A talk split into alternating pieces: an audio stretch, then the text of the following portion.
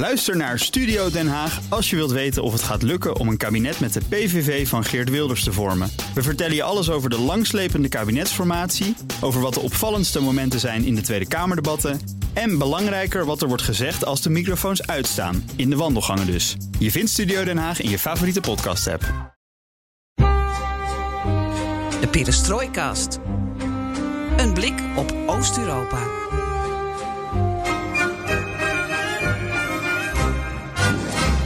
It is marathon as we see, but we will not lose this belief.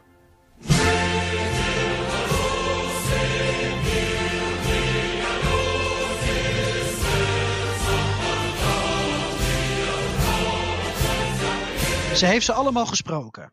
Angela Merkel, Emmanuel Macron, Mark Rutte. Maar officieel sprak ze niet met de Russen. Maar, zo zegt ze, ze wil wel graag een kopje koffie drinken met Sergei Lavrov, de Russische minister van Buitenlandse Zaken. For sure, I will. We are not uh, close to anybody. We are not closed to anybody. We are open.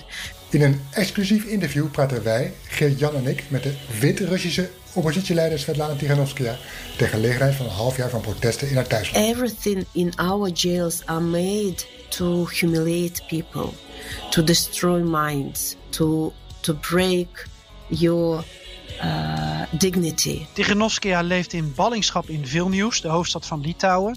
Net als veel andere leden van de oppositie die zijn gevlucht. Haar man, Sergei Tikhanovsky, die zit in de gevangenis in Wit-Rusland. Net als vele anderen die protesteerden tegen de zelfbenoemde president Alexander Lukashenko. I know that uh, the majority of people voted for me on these elections, so uh, I'm like president elected already. De Wit-Russische oppositieleider vecht voor een Wit-Rusland zonder Lukashenko. De autoritaire leider die in augustus een verpletterende overwinning claimde, terwijl de oppositie hem beschuldigt van verkiezingsfraude.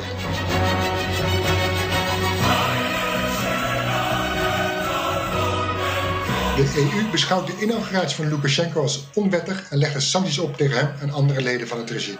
Tikhanovskaya zoekt intussen steun binnen de Europese Unie en heeft daarom onder meer Berlijn, Den Haag, Stockholm bezocht. We are waiting for the fourth uh, uh, sanction list and hope it will be uh, wide enough to give Belarusian people confidence. Ze ontmoette de Franse president in Vilnius. En nu is ze bij ons, wel vanuit de Litouwse hoofdstad, om uitgebreid te praten over wat er momenteel gaande is in haar land. En je weet het inmiddels, alles ten oosten van de rivier de Elbe kan de komende weken, maanden, jaren in deze podcast worden besproken. En wat leuk is, is dat we heel sociaal en democratisch zijn. Dat je ideeën kunt inbrengen via Twitter, Perestrooikast of mail ons op perestrooikast.bnr.nl. En we doen daar wat mee. Ik ben Floris Akkerman. Ik ben Geert-Jan Haan. En dit is BNR Perestrooikast.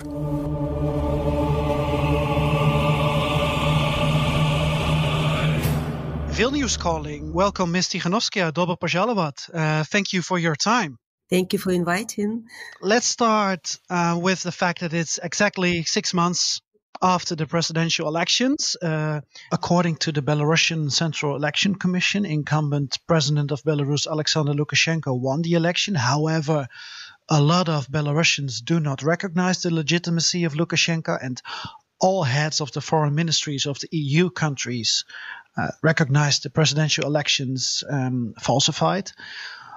What's the biggest achievement so far for the Belarusian opposition in her fight against Lukashenko? I suppose uh, that our best achievement is that Belarusian people understood they realized that they will never be able to live. We have been uh, beaten and in the same in our jails. Uh, regime under the spite of uh, this incredible violence, we haven't changed our this is mind. the most important thing. Is, do you think is Belarus ready to turn into a democratic country after Lukashenko has left, or can Belarus only be governed by maybe autocratic leaders who are part of the current system? For sure, what we are doing now, we are trying to uh, build democratic country. But as a matter of fact, not knowing what it is to live in democratic country, maybe not even every person will be ready for these changes. And it will not be um, uh, it it will it will be rather difficult process as a matter of fact because our people got used to the situation when somebody above uh, telling them what to do and they just are doing this a democratic country uh, people uh, have responsibility they have to be responsible for their votes, for their decisions. They have to understand that they are important for this country, important for this uh, government, and that their voices are important. And uh, it sometimes may be difficult for people.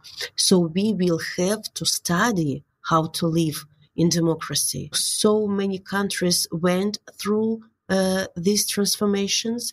I'm sure that Belarusian people will get used to uh, new form of uh, safeness, new form of, uh, I don't know, of building their uh, lives uh, and knowing the price of democracy. Uh, mm-hmm. They put all the efforts to live in democracy, to build democracy. Yes, Ms. Tikhanovskaya, right now your first goal is to strive for freely and uh, fairly organized presidential elections, right? Yes, it is right. And is it also your goal to become the first freely and fairly chosen president of Belarus? Uh, the situation is a little bit different because uh, I'm ready to take responsibility and to be with my people, to act as a leader, uh, uh doing everything to start these new elections, to organize these elections. But I'm not going uh, to participate in these uh, free and fair elections because I have promised to Belarusians that I will not, though I I've got a lot of uh, like a lot of proposals. Please stay with us, uh, be a new candidate, but I'm not going to to participate. I'm sure that any person uh, can be uh, useful for the country, even not being the president. Okay, mm-hmm. so you will not be the next president of Belarus. Uh, uh, you know, uh, I know that uh, the majority of people voted for me on these elections, so uh, I'm like president elected already. Uh, but I just ready to organize new elections, but I'm not going to participate in these elections. And uh, who could this new leader be? Is, could it be your husband Sergei or former banker Babarika? Both wanted to participate in the presidential elections but are now in jail. Or could it be uh, Latushka, the former culture minister under Lukashenko, someone from the current system? You know, I hope that at last uh, everybody who have strengths, who feel uh, this strength to participate in presidential election will have right without any limitations to participate in these elections. It can be Sergei, and I suppose he will be Babarika, Latushka, uh, I don't know, Sevelinets, Tsipkala. Everyone will have chance to show their program to the people, and people will uh, at last have chance to choose uh, anybody whom they see as a, the ruler, as the leader of their country. So personally, me, of course, I will vote for my husband. How is your husband doing right now? Is it easy to get in touch with him and to understand what his situation is like right now? Uh, as a matter of fact, in, in our country, we don't have opportunity to communicate to the prisoners uh, through phone calls or to visit them. So the only way to connect is through the lawyer uh, I write letters and she shows my letters to him and he can say something to me only like this. And, um, of course, in our country, uh, I'm sure that you can't even imagine how people are treated in our prisons. I'm sure you can't even imagine this because they are held in uh, inhuman conditions. As a matter of fact, for example, my husband, uh, last four months, uh, he's in solitary cells, uh, in solitary cell. And usually if, uh, something I don't know. Uh, you argue with uh, a soldier or with p- policemen just because they didn't give you soap or didn't give you towel or uh, I don't know didn't give uh, toilet paper or you ask for water, you can be put in punishment cell just for, just for nothing, you know. And one of the diplomats uh, I met uh, recently told me that uh, Belarusians, uh, Belarusian prisons are the worst prisons, the worst conditions he uh, has ever seen in the world. And everything in our jails are made to humiliate people, to destroy minds, to, to break your uh, dignity. You know, it's, they are always under psychological and uh, physical pressure there. So the, you know, the situation is devastating, as a matter of fact, with the politician prisoners and will, with those who are just in jails uh, after after the demonstrations, after they uh, took, uh, they w- were brave enough to say their words. We were talking about uh, fair and free elections. One of our leading Belarus experts in the Netherlands is uh, Franka Hummels. And she said recently in our podcast that Belarus might not be ready yet to have a female president, while there is so much uh, support right now for you, but also for your uh, female colleagues who are um, leading the opposition. What do you think? Does she have a point? Will it be very difficult for um, a female leader in Belarus to to lead the country? I think she may be mistaken so as uh, we have never had a, another president except Lukashenko, even a man. so you know, we we we can't. experience we have never experienced this difference between you know men or women in our country but i'm absolutely sure that belarusian people will accept any president uh, moreover even if it if it maybe female president will be much more admirable uh, because uh, Belarusian people need care about them. They need to feel that they are important. And uh, I'm sure that female president or female leader can give them this feeling, feeling to the people that you are all in my heart. You are all my children. I take care about you. know usually women are considered to be kinder and uh, milder. So, and maybe these feelings are what are Belarusians, what Belarusians are looking for. But Bel- Belarusians, I think maybe they, um, you know, they still, uh, the feeling that a man stronger than women is still very widely spread in Belarus. So I can suppose that they prefer uh, a man to a woman because, you know, it is considered that men are um, better uh, educated in, econ- in economics, in, in building country. But uh, uh our people need need uh, warmness, and this warmness only a woman can give. So. Mm-hmm something that, like this. We, on the one hand, we need a strong ruler who will uh, uh, who will raise the economic of our country, who will build this new relationship with other countries that we have lost during during last 26 years. But on the other hand, they need uh, somebody who is kind, just really kind to people, who understand their pain. So it can be as women as men. So I don't know. You met uh, Angela Merkel, you mm-hmm. met Emmanuel Macron, you met also Dutch Prime Minister Mark Rutte last year. Uh, was it a wise decision to meet Western leaders for getting their support?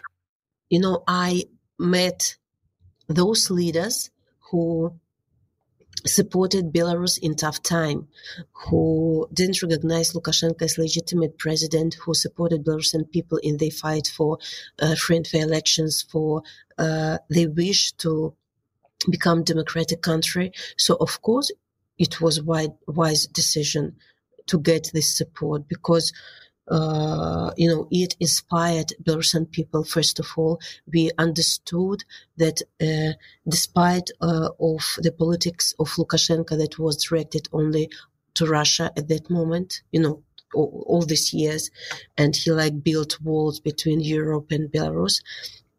But uh, we, you know, we met with people, with leaders who supported Belarusian people. So uh, maybe I misunderstood your question, but of course it was wise decision. Yes, because but, but but on the other hand, it's now easy for your opponents to say uh, Tikhanovskaya is a Western puppet. She wants to divide the country. The West wants to take co- control over Belarus. Our so-called government and uh, ex-president, he always blamed somebody in uh, what's going on in Belarus. Before uh, he blamed uh, my my husband Sergei and Babarika that were, they were pro-Russian, and he blamed I don't know Russia that they involved into Belarusian politics. But after he uh, got jailed, these people, and uh, you know, I, I I I think if I went after the election, if I went to Russia with my children, he would continue to blame Russia that I'm pro-Russian, and he would rotate, you know, his uh, his words indifferently, how it's convenient. You know, it's, he's always blaming somebody. Mm-hmm. Do do we need uh, uh, the Kremlin to get rid of Lukashenko? The crime? The Kremlin, Russia, oh. Moscow. Uh, uh, I'm sure that only Belarusian people themselves, uh, the pressure the wish of Belarusian people will be able to uh, make Lukashenko step away. Some, of course, uh, some countries can influence the situation somehow. On, also with the pressure, like we are asking European countries to put pressure on this regime economically uh, and uh, individually, but it's up to Belarusian people. Nobody will help us. You, you, I mean, you know, nobody will come and say, "So Lukashenko step uh, step away," and he will. No, it's it's up to Belarusian people. Uh, maybe Russia, you know, Russia is considered to be a very um, influent player uh, in our in Belarus, but you know, we like. Uh, we are not arguing with this, and maybe this is wrong because uh, there shouldn't be any country that can influence uh, the situation in Belarus. It's only up to Belarusian people. We have deep trade relationship with Russia, and our people, Belarusians and Russians, Russians, they are friends. But uh, we will continue this uh, trade relationship. We will continue. We are not going, I don't know, Russia to be our enemies to something. Mm-hmm. So it's not their question. It's not Western question, no American question uh, uh, uh to solve the problem in Belarus. Um, Ms. Tikhanovskaya, uh, talking about Russia and the current regime over there, did someone from the Kremlin or someone from the regime approached you to have a conversation with you, to have a coffee with you, and to talk about possible future uh, collaboration? I wanted to joke, but I will not. Okay, no. Uh, as a matter of fact, I we haven't had any official contact from Russia. Uh, and the only contact we had, if we can say it, contact with uh, Mr. Savinych uh, from uh, Belarusian regime is uh, was on the discussion on the OSCE platform, but it was like not really conversation. It was participation in in one event, and. Um, uh, some of uh, our representatives are trying to reach uh, people from regime, you know, from administration or from nomenclatura.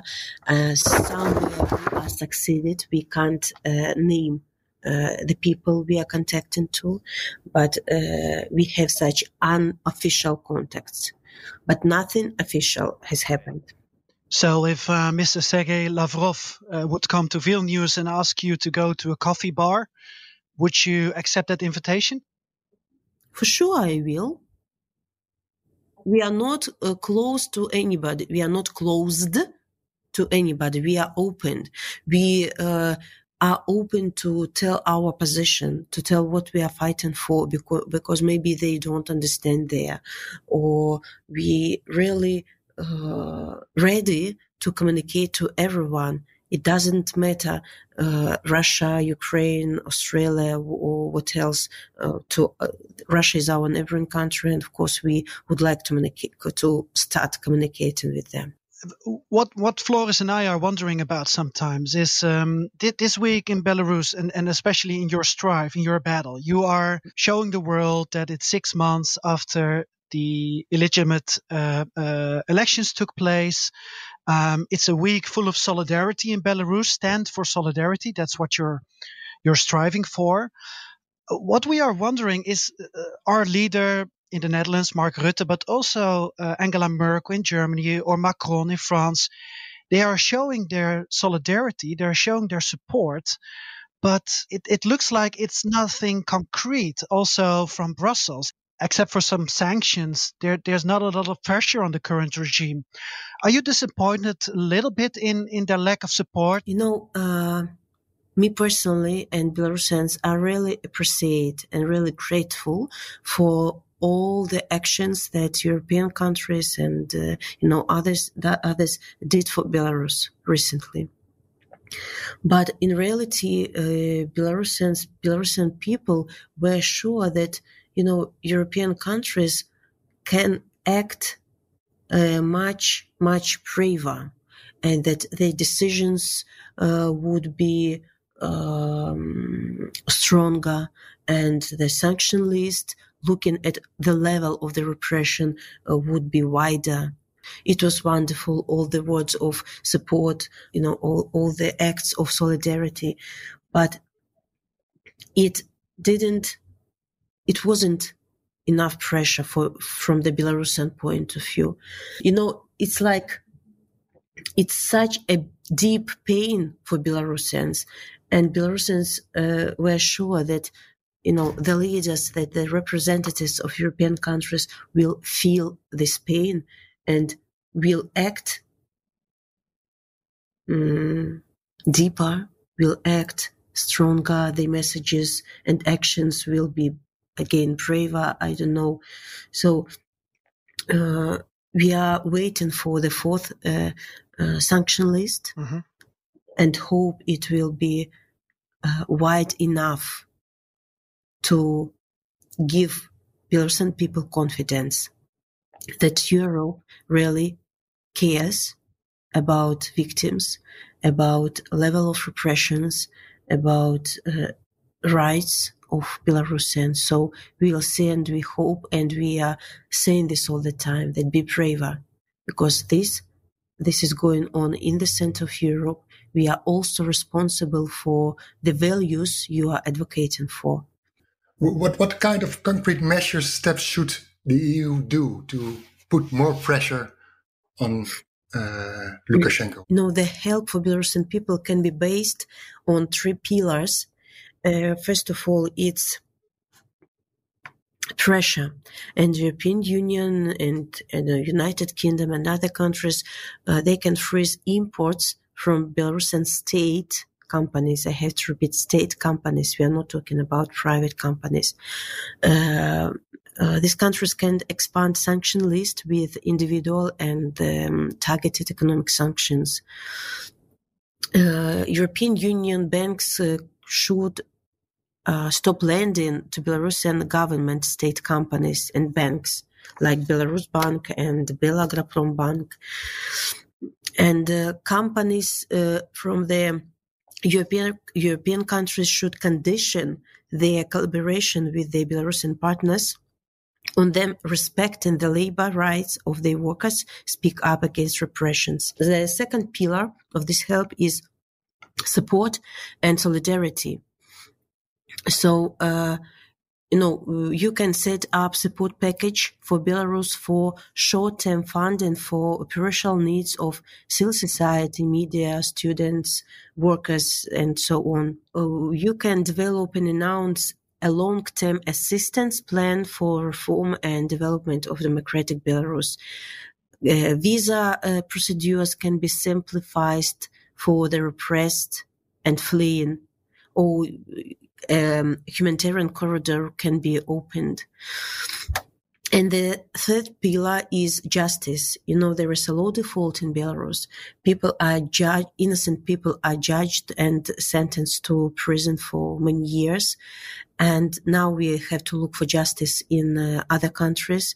So you as as European Union or I don't know national level can begin creation of an international commission to investigate murders and torture of Belarusian citizens as crimes against humanity. And, uh, for example, start criminal cases against Belarusian police and officials according to universal jurisdiction for crimes against Belarusians. The first cases has have been already opened in Lithuania. Now it's ready to be opened in Poland and uh, Czech Republic. So any country can uh, start the same processes uh, in, in, their countries according to their laws. And uh, any country can support systematic collection of evidence of the regime's crimes. We have special book of crimes where any person can put on evidences of such crimes. So any country can support this call so some some hints for you. yeah, it's you elaborated on that quite quite extensively. There is a discussion and debate uh, throughout Europe about Nord Stream two. Uh, and it became an even more controversial project after the arrest of Mr. Navalny in Russia and the poisoning of Mr. Navalny first this summer. Um, pus- uh, putting this um, subject in the perspective of Belarus, would it put more or less pressure on Mr. Lukashenko um, if Germany and the Netherlands would decide to cancel the Nord Stream 2 project, because our country and Germany, we are uh, uh, possibly gaining a lot of profit out of this, gaining a lot of profit. Um, what's your stand on this? Mm, uh, you know, uh, I would be grateful if you don't ask me this question because I don't have a position that wouldn't divide Belarusians in this question. I can't uh, took this or that side, you know. Okay. why would this divide Belarusians? Uh, you know, because there are some sensitive questions for Belarusians, like go to uh, West or go, go to the Russia or uh, to choose one language as a, as the only Belarusians as the only state language or let it stay to language country. And these uh, these questions uh, have to be solved by Belarusian people, not me. Ms. Tikhanovskaya, in my opinion, the political situation in Belarus right now uh, appears at an impasse because Lukashenko refuses to go, and you and the opposition are until now unable to force his ouster. Do you agree with this analysis? There's some kind of deadlock. Uh, maybe it uh, seems like this, uh, but we know that uh, Lukashenko's regime is uh, mm, is supported only by uh, policemen by his OMON and Gubopik people. And uh, our strategy now, and the rest of the of the nation, uh, you know, they are against him. But it's rather easy to make uh, people feel this fear that will uh, just like not stop, but um, calm down people. Uh, because it's rather easy to frighten uh, population. And now uh, we have to work with uh, policemen to tell them that uh, they their children will live under dictatorship. Do you want this future for your children, or to give them some um, assurance that they, you know, will feel safely in the future country. They uh, normal uh, uh, policemen, uh, normal workers who uh, didn't commit crimes towards Belarusians. They we we. Future Belarus will also need uh, policemen for sure, and they will continue to work in this country if they are not criminals. And you know, just to like we have to appeal to uh, right police, to OMON and Gubokip and Gubopik workers to try to persuade them that they have to work not because of fear also, not because of, you know, gaining any profits, but for uh, you know, for, for, for, for, Belarus, for they will be respected in the future, Belarus. Uh, mm-hmm. You know, they will not be frightened by regime. Their uh, hands will not be in blood like nowadays, you know. So we will, we, we have to work with this uh, group of people. And Ms. Tichanowsky, we have seen less protests in the last months in compared to the ones in August and September. Could you conclude that Lukashenko's repression is working?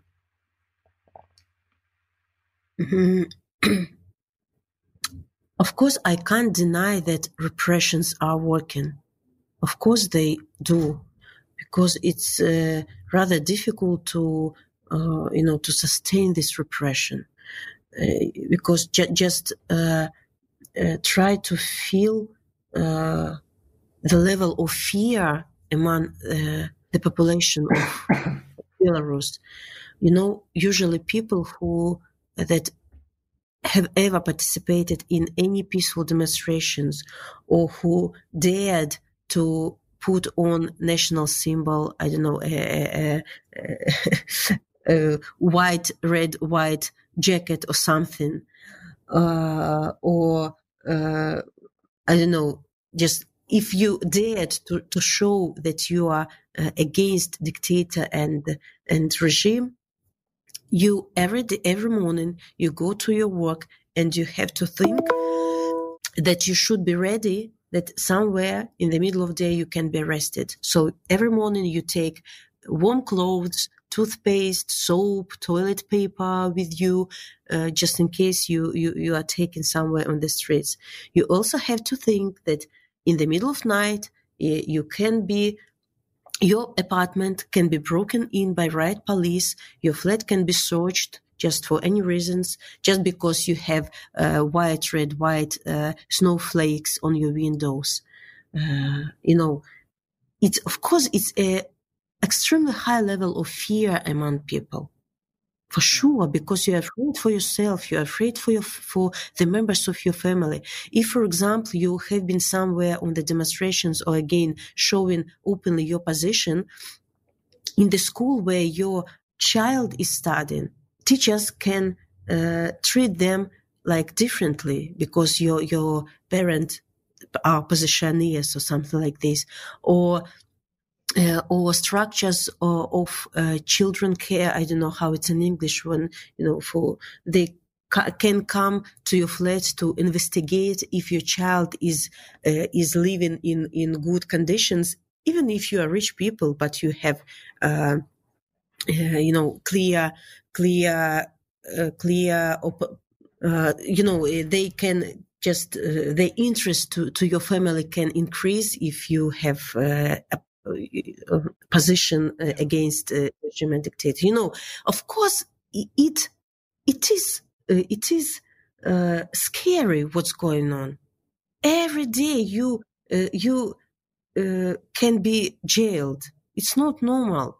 Of course, repressions are working, but despite of all this, people are not losing uh, confidence that everything will finish soon that yeah. they will not ready to come back to the state we have been living for 26 years that we will win and this is the most important thing despite of repression you know right police will never make people uh, love lukashenko or believe lukashenko mm-hmm. you know last but not least um, ms Tikhanovskaya, how do you keep faith in a for you good ending which means returning back to a Belarus without Lukashenko as president?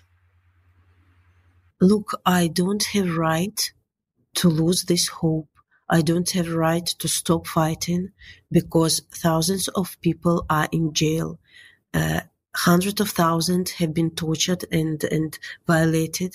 So I, I just, because I don't have right to do this, I'm really tired. I'm also frightened. I'm frightened for uh, my husband. I'm frightened for other people, but uh, I'm, I know till I have strength, I will fight. And the majority of Belarusian people uh, think the same. So mm-hmm. we for sure will win. It's it is marathon as we see, and it will be tough time for for Belarusians, but we will not lose uh, this belief mm-hmm. that we will win and we will. And will you return while Lukashenko is still in his palace? Like we saw Navalny is getting back to Russia while his opponent uh, Putin is still in place. You know, yeah, the situation between me and Navalny, you know, the, uh, our the situation of Navalny is a little bit different than my situation because he's a politician. He knew that he uh, was ready to be jailed.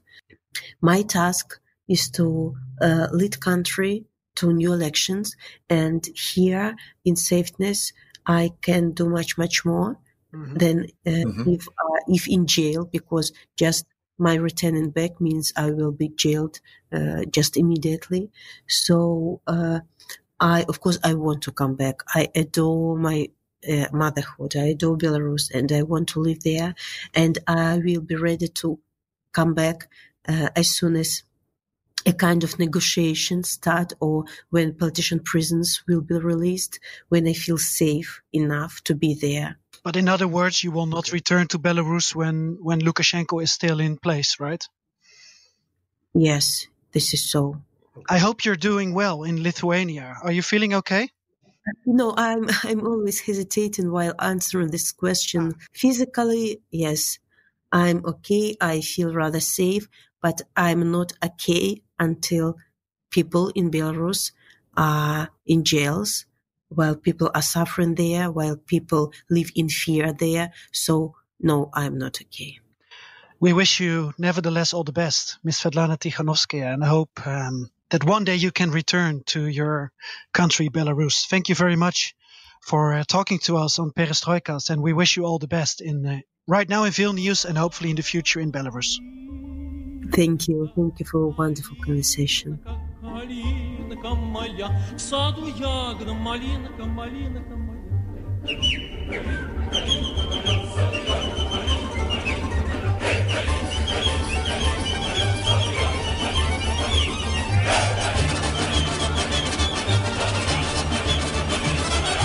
Luister komende vrijdag ook naar de Marathon podcast over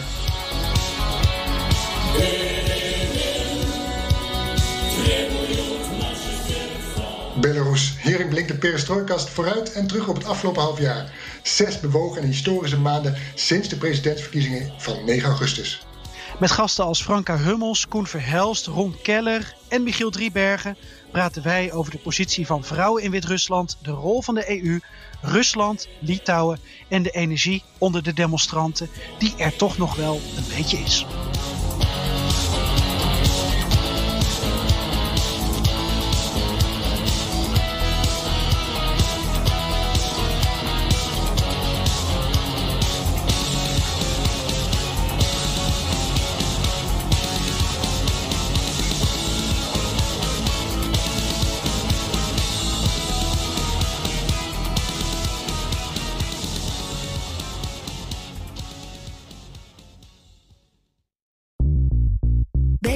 Ben je altijd als eerste op de hoogte van het laatste nieuws. Luister dagelijks live via internet. Bas van Werven. En heel langzaam komt de zon op rond dit tijdstip. Je krijgt inzicht in de dag die komt op BNR, het Binnenhof in Nederland en de rest van de wereld. De Ochtendspits. Voor de beste start van je werkdag. Blijf scherp en mis niets.